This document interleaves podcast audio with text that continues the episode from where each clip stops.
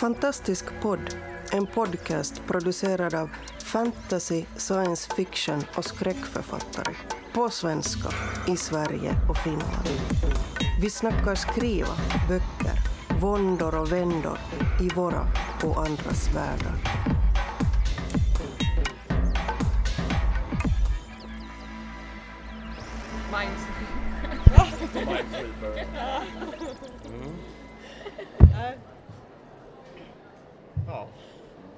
Så det är så det Det här är. var avsnittet. Ja, nu är vi klara. Nej, men vi har faktiskt börjat. Eh, så att, eh, vi kan väl bara konstatera, hej! Välkomna till Fantastisk podd som eh, sänder ifrån ett litet bås, eller ett ganska stort bås i Fantastikgränd på Bokmässan den här gången tillsammans med eh, Sverok. Ja. Och vi, vi är nog fler än vad vi någonsin har varit eh, och från eh, olika av våra celler också.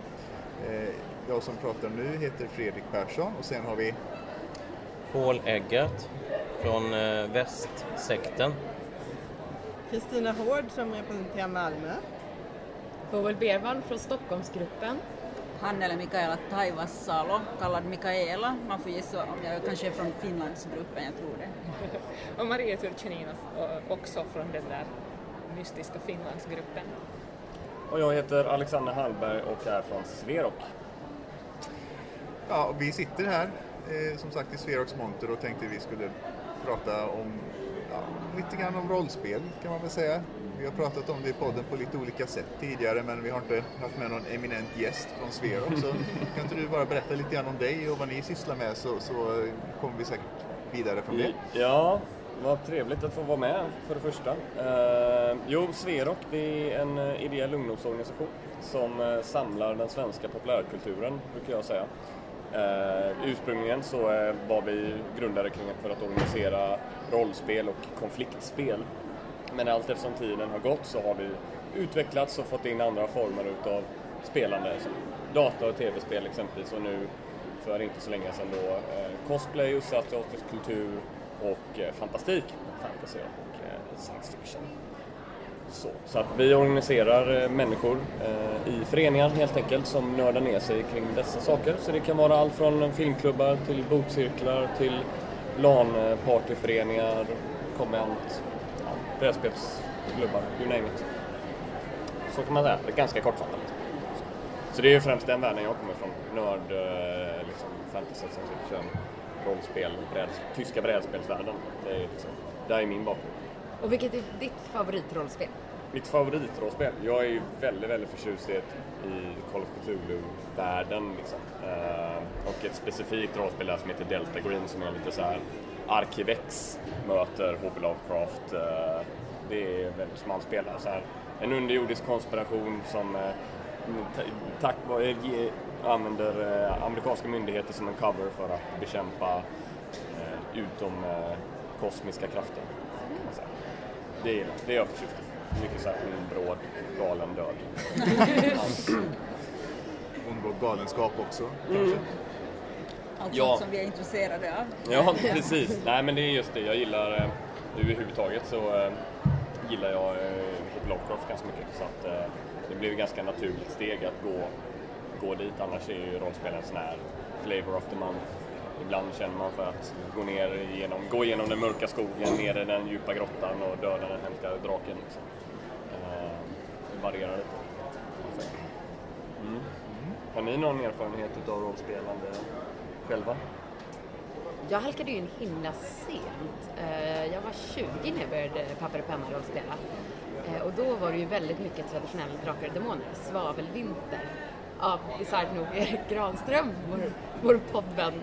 Ehm, och sen så har jag väl spelat ganska mycket Warhammer 40K. Men det är liksom de två. Jag- Så jag är lite begränsad. Ni andra då? Ja, men jag är lite som du fast eh, vi körde mycket svavelvinter också fast när jag var lite yngre då. Och sen körde vi en hel del MUTANT också. Eh, sådär. Men annars var det precis som du, att det liksom gick över lite till 40K grejer, Warhammer och så. Jag har en massa sådana här tennbitar hemma som en del har jag målat och en del inte. Var det det ursprungliga svavelvintern ni körde då eller är det Ja. nya? Ja. Precis, det här är back in the day, 80-talet. Ja, just det. I alla fall för mig. Ja, jag spelade också rollspel. Det var uh, Dungeons and Dragons och Bushido. Uh, fast det som har inspirerat mig mest är Kult. Det här som uh, Sara Bergmark av dig i ett program, De dödas röster. just för att det är så... Ja, det är ju ett skräckrollspel och det väjer ju inte för typ någonting. Så jag kommer särskilt ihåg en sån här flavortext i början där det är två syskon som skär upp en katt och plockar ut fostret. Det tyckte jag var, det var ju fantastiskt det här, det var revolutionerande. Så ja, det är min, min, stora, min stora förebild. Jag vill påminna alla lyssnare om att jag tror samtliga Pauls böcker innehåller ordet död i titeln. jag, jag har här patetiskt ähm, rollspelsförflutet för att jag hade ingen att spela med. Så att jag, Därför jag, tror jag började sent. Ja, så som liksom just sådär 10, 11, 12-åring så, så någon gav åt mig äh, Sagan om ringen-rollspelet. Um, men jag fick ju aldrig riktigt kläm på hur det var meningen att man skulle spela eftersom jag aldrig kunde prova eller, och ingen, jag hade ingen som lärde mig. Så det som jag mest gjorde var att jag ritade jätte, jätte, mycket kartor och gjorde jätte, jätte, jättemycket rollspelsfigurer för mig själv. Alltså jag har mappar med jätteprydliga handstil hade jag tydligen på den tiden. Sida och sida ner. Och just att jag liksom förstod inte att man behöver inte känna alla NPCs så här bra. Men liksom jättedetaljerade familjehistoriker för precis vad liksom varenda en som jag hade tänkt att skulle vara med i det här. Uh, men sen har jag först spelat liksom som uh, ja, 24 tror jag typ första gången när jag på riktigt fick, fick spela med min man som spelledare. Mm. Nu börjar vi komma över till oskulderna här idag. alltså jag, jag är ingen bredspelare. Jag, har, det, det, som jag har, de erfarenheter av rollspel jag har så är live mhm. rollspel som, ja. som vad heter det, intresserar intresserar mig och det kom också rätt sent. Men bredspel, okej okay, jag har prövat men det är lite som äh, Maria, jag har aldrig jag har haft ett sånt sammanhang så, så jag, jag, alltså jag är här och vet inte vad jag talar om. Men, men vad är det för live då? Ja, precis. Alltså, äh, live, live-rollspel, det har varit mest alltså så här, nog rätt uh, high fantasy uh, live-rollspel, uh, både, både liksom så här, Alltså jag, jag är ju mest intresserad, mest intresserad, inte så jätteintresserad av intriger utan mera intresserad av, av ja, vad ska man säga, eller kanske jag är intresserad av att intrigera också, men också eh, intresserad av just liksom så här, eh, emotionell, eh, emotionella utsvävningar. Och, och emotionella utsvävningar. Och vad heter det, eh, och, och ja, människor som inte är vad man tror att de, att de ska vara. Det handlar ju mycket om sånt just vad det gäller uh, live-rollspel. Men jag är också en lat människa sådär med live-rollspel lite, alltså man måste, man måste göra så mycket, alltså man borde sy sina egna kläder. Det, det orkar jag ju inte riktigt göra så jag... jag, jag bara hyra? Man, nej men hyra, man, går, man, man, man, går till någon så här billighetsbutik och, och liksom så här, lite försöker lura sig igenom det, lånar ihop någonting, dödar en katt eller hur Paul och, och vad heter det? Gör en hatt av den. Sånt. Men alltså just så här, världar är jag också intresserad av så, så, äh, så, så just det och sen har jag jättelite tid, man måste ju plugga in så mycket för, för att ett live rollspel ska, ska bli bra. Så, äh, så att lära sig den här världen och veta, veta vem man ska in, äh, intrigera mot och vem man är gift med eller vilka barn man har. och, och, och, vem som är ens fiende. på minneslust. ja, just det. ja, men sånt tycker jag, så här, situationsrollspel, alltså, sånt, sånt är jag intresserad av. Äh, mera dramatik, men, men i och för sig äh, Alltså nu lät det ju som att du, du gillade karaktärerna och du gillade intrigerandet och du gillade... Jag gillar ju allt det. Ja, så... Förut, förutom att jobba för det. Ja, okay. Men jag, jag, tror det stämmer vad, vad Maria och, och Mikaela säger, det. man måste ha ett sammanhang. För jag hade inget sammanhang överhuvudtaget när jag växte upp. Det fanns ju inte ens någon som läste science fiction. Alltså som jag, jag hade inga kompisar utan jag läste min brors böcker. Uh, och, så att ja, nej, jag hade nog gillat det om jag hade fått lov riktigt att testa. Um, jag har, däremot har jag målat Warhammer-figurer. Mm. Det, det, det, fanns en sån period i barnens liv när det var väldigt mycket sånt där så jag, det är nog rätt bra på att och tagit del liksom, det har väl kommit liksom väldigt mycket från, från deras håll, deras kultur som man liksom plockar upp och engagerar sig och sådär. Men själv fick jag liksom aldrig riktigt testa på. Jag menar rollspel och brädspel är ju, är ju på något sätt besläktade för att de handlar liksom inom samma kulturella sfär på något sätt men man spelar ju det av helt olika anledningar. Som du säger Mikaela så är, i rollspelandet så är det ju liksom, i alla fall för mig, så berättandet som är det intressanta.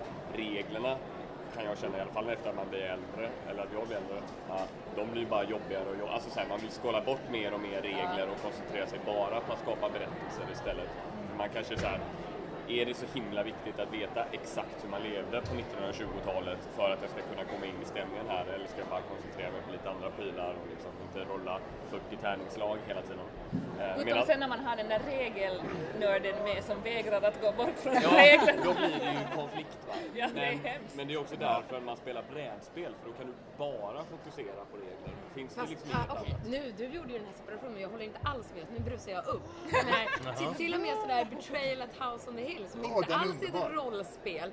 Där brukar vi ofta springa runt, ofta med vin i kroppen i och för sig, eh, springa runt och hämta hattar och attiraljer och folk ska leva sig in i sina karaktärer och prata som sin gubbe eller sin... Sådär. Det blir mycket roligare då. Speciellt när förrädaren avslöjas. Ja. Eh, så för, det, för oss är det ett rollspel utan eh, tärningslagen och regler. Men den är ganska, det är faktiskt ganska bra beskrivning för just det spelet är ju ett väldigt lättviktigt rollspel i miniformat som man kan spela på 45 minuter eller en timme lite beroende på. Med Det vin är i rätt kroppen. fascinerande. Med vin i kroppen, Ja, men, absolut. och sen så avslöjas det då, alltså, eh, från början samarbetar man fyra personer och sen är en förrädare som kommer att göra någonting och ni vet inte vad den personen kommer göra. Ingen vet det. Nej. Ingen vet ens vem förrädaren är. Nej. Vet inte förrädaren Nej. heller. Jo, alltså när det avslöjas. Ja, när det när, avslöjas, precis. när eh, det stora, vad heter det? Reveal eller något Ja, sånt där när tror jag det heter. haunt reveal Ja, just det. kommer. Då, så Så det är en liten smäller det. story till där och det händer. Ja, och det är 50 nej, men olika det- historier. Allt Ja. från att det förrädaren är en katt och man, är, man krymper till en musstorlek eller, eller eh, att eh, det är En förrädaren är Dorian. Gray och man måste slänga färg på porträttet. Ja. Det är ju faktiskt en, en särskild typ utav spel som är så här, man brukar säga att det är det- den amerikanska skolans spel är, är den typen av spel som Arkham Horror är också ett sånt spel där det är liksom det är mycket story och det är mycket, temat är väldigt så här, dominerande och väldigt tungt. Vad är det det nya Arkham Horror så att säga heter? Det här, Eh, ehm, för det var bättre för att Arkham Horror har väldigt, väldigt mycket petitiösregler. Så här, eh, monster går vänster eh, var fjärde onsdag när det är halvmåne. och så skalade de bort det och sen gjorde de en ny som är världskarta som är jättefin. 20-talsstil. Där man är så här. jag kommer inte ihåg, Eldritch Horror eller någonting. Nej, ja, något sånt. Ja, jag kommer inte ihåg. Men jag vet vilket. Så jag tycker ju då Ja. att brädspel, rollspel Ja. är väldigt närbesläktade. Ja, just De spelen som, som jag spelar, som kommer från Tyskland då, Ja, där är ja. det precis tvärtom. Det- ja, där är det ingen Där rollspel, är det liksom, där gör du systemet först och sen lägger Puerto du på, Rico. ja, men sen lägger du på ett tema. Så, här, och därför betyder det att man spelar mycket spel där man så här, jobbar i hamnen eller syr klänningar. Eller, Odlar. Mm. Odla, mycket odla saker. Bananer. Odla grödor. Ja, det är viktigt. Det är väldigt Då flyttar man med små träpluttar. Det, Ja. det är mycket mindre Mycket träpluttar i de spelen. det är Det. träpluttar. Man kan känna ett, så här, ett tyst, bra tyst spel ska vara tungt. Liksom. Då vet man att det här är ingen plastskit. Det är, det är organiskt trämaterial. Ja, men det- faktiskt när du säger det, det finns ju ett lite hypat spel som heter Side. Eh, Nej, jag har inte betyder- vågat mig på det. Ja, men, nej, men många det, jag, jag fick det Är av en det det? kompis som hade pushat Eller till vänta, jo, jag har... Är det här kommunist... Ja, det är lite så här, Meckas. eh, meck- det tog tre timmar att lägga ut pluttarna, sen tog det en timme att spela spelet. Men det påminner, det påminner lite om eh, Stålenhags illustrationer faktiskt. I bilderna så är det lite så här, står såna här stora mex i bakgrunden och så är det någon som står med en lir och liksom Och lite så här. alt history, så här, Ja. sovjetisk kommunism. Men det finns en specialutgåva på den. Där man faktiskt bokstavligt talat får då, den här resursen är liksom trä och metall och Ja, nej, men det var det jag Och då är det spelade. metallbitar i trä. Liksom. ja, det är det jag spelade. det? Är inte Ja. jag som äger det, kan jag säga. Det var Kickstarter. Ja, kul. Så det, det, det var ett tungt spel. Lådan väger mer än ja, min resväska när jag ska ut någonstans. Men, mm, men ja, ett annat spel, eh, det finns Pandemic, det här man, när man bekämpar virus. Då har man ju roller. Men det är ju väldigt lite leva sig in i rollen. Jag känner inte att jag är läkaren eller forskaren och så vidare. Men där har det ju kommit en som jag inte har provat, Pandemic, med en storyline. Mm. Som är liksom en hel kampanj.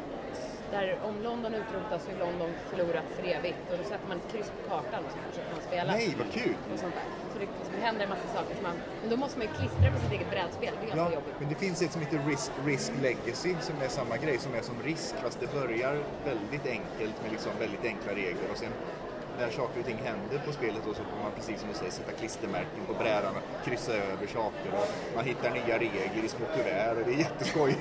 Det här är Helt inte underbart. samma sak, det är Pandemic Legacy. Alltså, det är ja, det? Så det är exakt samma. Ah.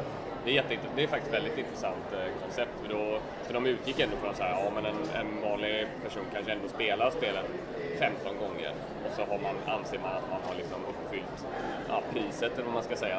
Och då blir det så här, ja men om vi säger att det tar 15 spelomgångar tills man har tagit sig igenom hela kampanjen och brädet är då sönder och korten är liksom, då går det inte att spela det mer. Då får man köpa, får man köpa ett nytt spel sen. Liksom. Ja. Så den, den håller 15 gånger och sen så får man, Ja, men det men det är väldigt intressant att se alltså överhuvudtaget bara få medvetet då förstöra ett kort eller då förstöra brädet. Nej, det gör ju är ont i hjärtat. Ja men det är väldigt, man är ovan vid det liksom på ett sätt. eh, Man, ska inte, man får inte spoila dem, men jag kan ju säga att vi, vi, vi har nog aldrig skrattat så mycket som jag och mina polare öppnade en sån här hemlig regel i Risk Legacy som var fullständigt oväntad. Det dök upp grejer som ingen av oss hade gissat. Nej. Men nu halkar vi ju lite så här från, från spel och rollspel, alltså skrivandet. Hur har det påverkats av allt detta nörderi? Men tycker du, eller Mikaela menar eh, att om du tycker det är jobbigt med alla regler, men när du skriver så måste du igenom, du måste tröska igenom alla förhållanden och alla grejer med dina karaktärer. Och koll på världsbygget och Ja. koll på Ja, men det känns jätteenkelt. Uh, för jag be, behöver ju inte, alltså jag, jag, jag skriver liksom så här från, från A framåt, alltså jag bygger ingenting innan jag börjar skriva. Så jag behöver inte, jag, jag, jag liksom skapar medan jag skriver och det, eh, då, då, då slipper jag ju det där eh, efter, den där efter, visst gör jag efterforskning, jag läser en massa saker som jag sen inte använder eller, eller använder en bråkdel av, så nördar in mig på en massa olika saker, så förstås att man gör den efterforskningen. Ja, men det, det liksom, jag upplever att skrivande på ett annat sätt är, liksom, är, är fritt. Att, äh, du interagerar bara med dig själv och fiktiva kara- karaktärer. Till exempel live-rollspel så interagerar du med, med ett system som någon annan har byggt upp äh, och där du måste lära dig reglerna och med andra människor som, som också agera. Vilket är ju det, där, det är ju det som är det spännande, alltså att det finns någonting som du inte vet, eh, att det finns människor som du, eh, karaktärer som du, som du eh, inte känner till och som kan dölja saker. Kanske bättre än om du skriver dem själv, då kanske du anar ändå att någonting är, någonting är fel, fel här. Så jag, jag, vet, jag vet inte, jag har försökt tänka inför det här att vad är, liksom, vad, vad är de där likheterna mellan då olika former av rollspel och, och skrivande. Och jag, jag tycker att jag har lite svårt att se liksom hur, eh, hur eh, man skulle på något sätt kunna utnyttja rollspel. Kanske det är liksom det där karaktärsbyggande som kommer närmast, alltså man bygger sin egen karaktär, man bygger en värld tillsammans. Men, men för mig är liksom det där skrivande jättemycket, alltså eh, det som händer mellan mig och ett papper. Eh, medan, mm, medan det här är medan, medan någonting socialt, en social situation. Utom om man då spelar som jag gjorde när jag var Ja, men 11. det, det, det tänkte jag på Bara också. gjorde för mig Marias, Marias sätt att spela, att göra kartor. Och du gör ju fortfarande kartor när du skriver. Eller, eller, Ja, så att där är på något sätt nog så, äh, äh, alltså, du, du var mer en spelledare, din egen spelledare. ja, men det var på, jag på, ju. sätt, Ja. på sätt och vis. Det är du och det är man, det är man kanske när man skriver lite grann, sin Ja. egen spelledare. Ledare, ja. Men gör ni också det? Ritar ni upp världarna när ni skriver? Eller i förväg? För jag, jag är nog mer som Mikaela, jag skriver det liksom, Ja. låter det hända eh, på vägen och sen får man justera och liksom sådär. Men jag, sitter ni liksom och skapar allt i förväg i tre år och sen sätter ni och skriver berättelsen som utspelar sig i världen? Men inte det är ju heller alltid i förväg. Jag, jag, nu jag kanske gör väldigt lite egentligen i förväg och sen gör jag det parallellt medan Ja, jag ja, ja, skriver. ja, men, ja, ja, men Ja, men det det, kan man ju också det är nog lite som, som, som Maria säger, att det är lite efter behov. Att jag, jag har väldigt sällan kartor och när jag försöker så förstår jag inte själv vad det var efteråt och så undrar jag varför gjorde jag den här kartan? Och, och, och den, det där huset hamnar ju ändå inte där och så vidare. Så jag, jag, jag, jag tror jag spretar ganska hårt faktiskt. Ja, jag tycker det mesta är, det är lite... Mm, med rollspel så är det ju ofta att man sätter ihop liksom olika grupper och sånt där som redan finns och då tänker jag lite den, den, eh, på det sättet. Och även det här eh, att det, finns liksom en, eh, det finns ju en regelmängd som man ska förhålla sig till som, som är världen så att säga, som är världens lagar. Alltså, magi funkar ju inte hur som helst. Och lite där kan jag tycka det är inspirerande med rollspel. Och nu kom jag på vad jag tycker att är den stora skillnaden mellan, äh, mellan rollspel och just det här med grupper som vi nu talar om, grupp och att det är en social handling och mitt eget skrivande. Att jag i mitt skrivande så är jag Gud, jag är total Gud. Jag kan, jag kan allt, jag kan liksom behärska allt, jag kan göra, eh, jag kan göra vad jag vill med den här världen. Eh, om, om man spelar ett spel så, så är man på andra människors villkor. Man Jag skulle är, säga att det låter ja. som att du borde vara spelledare. mm. Ja, faktiskt. Men- spelledaren är ju? Gud som, som styr och ställer och, och slänger ondska på de stackars spelarna. Förr sa man alltid det under 80-talet så att eh, spelledaren är Gud. Nu har det blivit så jävla demokratiskt förstås. Alla ska vara med och skapa och sånt där trams liksom. Indie-rollspel, åh, demokrat, bla bla bla. Så, men ja, det är ju det, det grundläggande. Fast då behöver man förstås planera. Men Ja, då, då måste man planera, det är ju det. Ja. inte så mycket kanske. Nej. Inte mutant. det är mycket improvisation där också som, rollsp- eh, som Ja. Vad tänker, vad tänker ni om, om, om, om böcker som har sprungit ur äh, författarnas rollspelskampanjer? Jag vet nog inte om böcker som har kommit ur rollspelskampanjer. Äh, Patrick Rothfuss, just det. Painkiller Chronicles från, från hans rollspels. Sen har vi ju Erik Granström då, som sagt med Svavelvinter. Det är väl det mest uppenbara närliggande exemplet. Ja. Det finns ju mycket skit i den genren. Ja, det, ja, men det, det, de flesta tycker jag... Ja men de flesta det går ju kom med lite här. Det, det har ju kommit alla de här, eh, Gary Gygax han skrev, skrev egna grejer. Det tyckte jag var lite sådär, han som kom på Dungeons and Dragons. Och sen så var det massa sådana här Dungeons and Dragons böcker och man märkte med författarna, de, de har ju fått en hel värld och de kan ju leka med den men de behöver inte komma på så mycket själv. Så. Och de, de testar inte gränser tillräckligt. Men eh, Granström är bra och Abercrombie har ju också eh, han som skrivit om The First Law. Eh, där han är ju också eh, rollspelsinfluerad. Han vet inte hur det skulle ha gått till att, att skriva om man inte haft rollspel. Men han bryter ju mot alla sådana här vanliga fantasy-tråpar och ja, väldigt ful och rå. Så. Jag vet inte, alltså jag tror nog att väldigt många böcker som man inte vet alltså, är inspirerade av rollspel men att det kanske inte bygger renodlat rollspelskampanjer. Och jag är lite svårt att tro att de blir bra. För Man, alltså, man måste nog ta sin egen twist och vända och vrida och omforma så att det faktiskt blir en, en story, en bok, en liksom levande skildring. Men du Bovel, du har ju spelat en del 40K, eh, Warhammer 40K. Det finns ju en hel uppsjö med böcker också som utspelar sig i den världen. Är det, har, var, liksom, har du läst eh, någon Jag, jag har inte läst Nej, dem. nej. Eh, däremot så vet jag att de var väldigt, överlag Halo-böckerna och Warhammer-böckerna har varit väldigt stor hjälp för att öka läsningen bland, bland unga killar i USA. Eh, på samma sätt som Arkivex-böckerna hjälpte till väldigt mycket som är skrivna av sjukt duktiga författare inklusive Elisabeth Hand. Och jag tror hon också har skrivit kanske någon Warhammer-bok. Men Men det är ju en kittlande värld, det får man ändå säga. För de, de har, det får man ändå ge dem. Alltså, även om det då i, i grund och botten handlar om att flytta, flytta såna här metallpjäser fram och tillbaka och slå tärningar.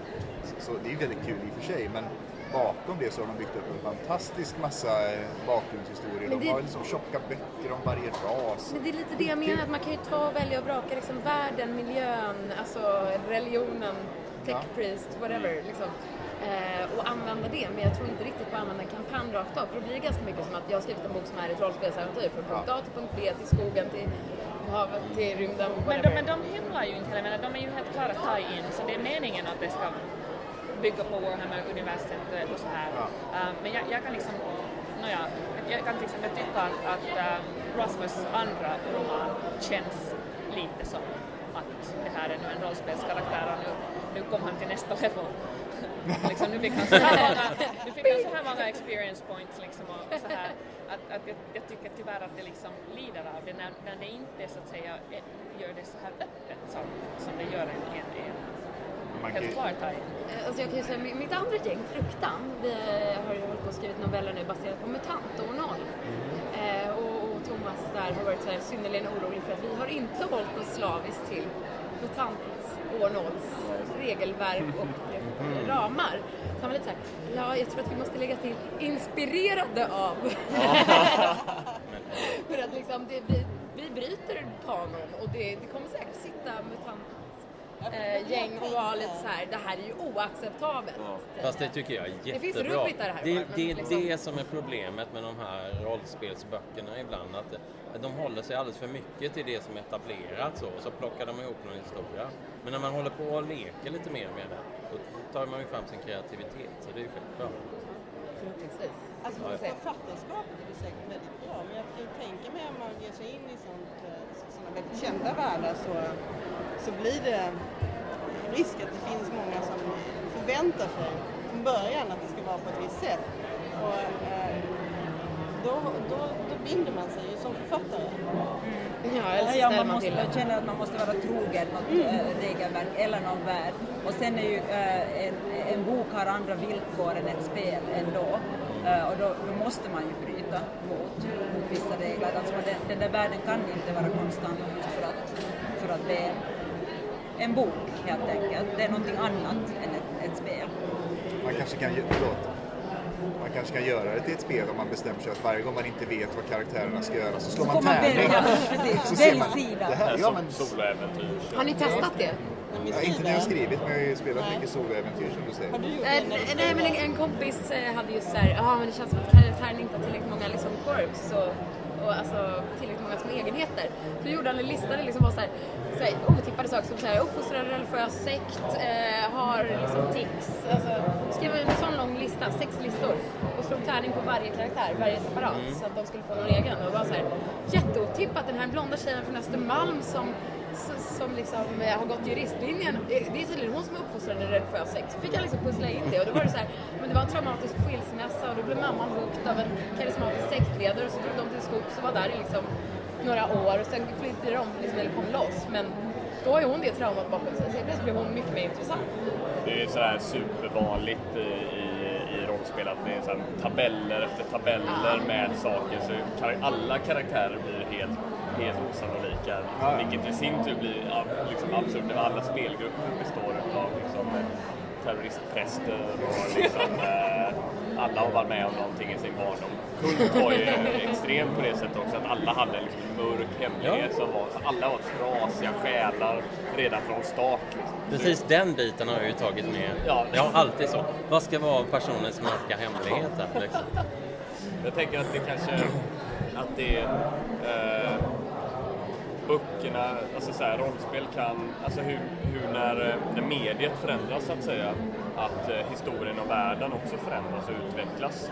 Jag kunde känna att när jag spelade rollspelet Vampire the Masquerade eh, väldigt mycket, att det var inte riktigt förrän jag spelade datorspelet som jag liksom förstod hur det var tänkt så att säga att det skulle spelas. Eh, alltså vilken stämning och liksom hur vissa så här, typer av konventioner som hade, hur det var liksom när helt plötsligt man inte kunde bryta mot reglerna, mot de reglerna tack vare dataspelet så, så förstod jag mer hur det var tänkt att de här då osynliga reglerna, ska jag säga, eller praxisen i rollspelen skulle vara tänkt att upprätthållas också, som var väldigt svårt när man bara satt och läste det upp och ner. Eh, jag tror att hade man läst en roman så hade man kanske förstått det också lite tydligare, eller andra aspekter tydligare kanske då framförallt. Känslolivet och liksom vad som händer i huvudet eh, snarare än vad som händer utanför. Men det är väl någon slags gräns där också mellan att, så att säga, om man skriver ett rollspel och så förser man liksom spelaren eller läsaren med ett antal regler och förutsättningar för hur världen fungerar, alla karaktärer fungerar, vad ska det handla om, vad händer och så vidare. Men sen tar man liksom stopp, för där tar ju spelarna vid och skapar resten av historien. Så att när man sitter då som författare och gör allt det där, kanske man inte alltid behöver alla reglerna, men om man gör det så gör man det ju sen för att sen skapa historien själv också, liksom skriva färdigt det här Så man är både. GM och spelarna Ja, när lite så. Där sa du det. Är det. Precis. Ja. Nu blir Mikaela glad Ja, också. Ja, men jag tänkte på det när du sa det så här, när du sa så här, men det är spel och skrivande känns separat. När jag skriver så är det liksom ett papper. Ja. Det första jag tänkte på var liksom när man satt med sitt karaktärsblad, med sin karaktär. Alltså jag kunde liksom, vad som helst när jag pluggade eller jobbade, eller så man kunde liksom, hade man spelat så kunde man liksom fortsätta tänka på det man har varit med om, upplevelser, att jag var fångad av Orcher, vad som helst. Alltså det, är liksom, det var så levande att jag tror att det det har påverkat skrivandet mest är att fantasin vaknar så mycket. Att man inte behöver se något för att det ska finnas där. Liksom. Så, förlåt. Jag, kan ju tänka, jag, jag, jag tycker det var intressant vad ni sa att, eh, i min värld så har jag tänkt så här, om man, eh, var, vilken behållning kan man få av att spela rollspel när man sen ska skriva det? Allting så här, med dramaturgi, liksom, att så här, man, man kan göra en story från punkt A till B, men när jag hör er berätta så känns det som att nej, det är den sämsta delen.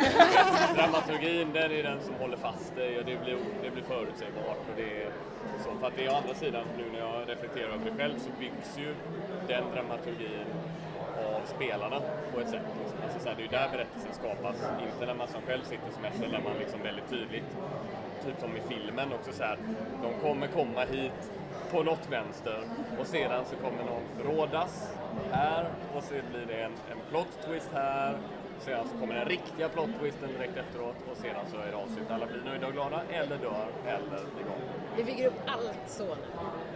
Precis. Kom igen. Och det börjar på värdshuset. Ja, ja det gör det ju. Fasen, alltid. Så kommer det in en man och säger, jag söker tre. Äventyr, nära Älvdalen. Precis. Jag har Jag, jag kan ställa upp. Jag har en skattkarta men jag är för gammal för att hämta skatten själv. Ja. Jag delar den med er om ni gör det. Ni är väldigt skeptiska när någon säger det. Ja, och sen- väldigt, väldigt För skeptiska. man blir garanterat förrådd. För han är en trollkarl och har lurat er att göra det svåra jobbet. Förstås. Ja. Ja, förstås. Ja. Jag tror att tiden börjar ta slut. Är det någon som har några slutord? Som... Himla roligt att jag fick vara med. Välkommen. Ja, tack. Läs mycket science fiction och fantasy. Och organisera er. Organisera oss i en Sverokcell för eh, fantastisk podd. I alla fall, eh, i alla fall människor som är mellan 60 och 25 helst. Ja. Så vi får unga att läsa mer. Det är väldigt roligt att vi fick möjlighet att vara här och spela in. Absolut. Tack er. Livslevande. Så. Ja. Kanske. Till skillnad från alla andra gånger. Nu ska vi också vinka till Susanna Björnberg som står borta i SE-bokhandelns monter. Hon kunde inte vara med tyvärr, men där är hon. Hej Susanna! Ja, ska vi säga så? Det börjar bli mingel runt oss så att snart hör ni inte vad vi säger ändå. Så ha det bra så hörs vi nästa gång. Tack för oss! Du har lyssnat på Fantastisk podd. Om du trivdes i vårt fantastiska poddsällskap och vill ha mer så hittar du äldre poddar och information om oss som deltar på vår hemsida under fantastiskpodd.se och på vår Facebook-sida Fantastisk podd. Har du frågor eller förslag på vad du tycker att vi ska tala om, hör gärna av dig antingen på Facebook eller via kommentarer på hemsidan. Vi hörs!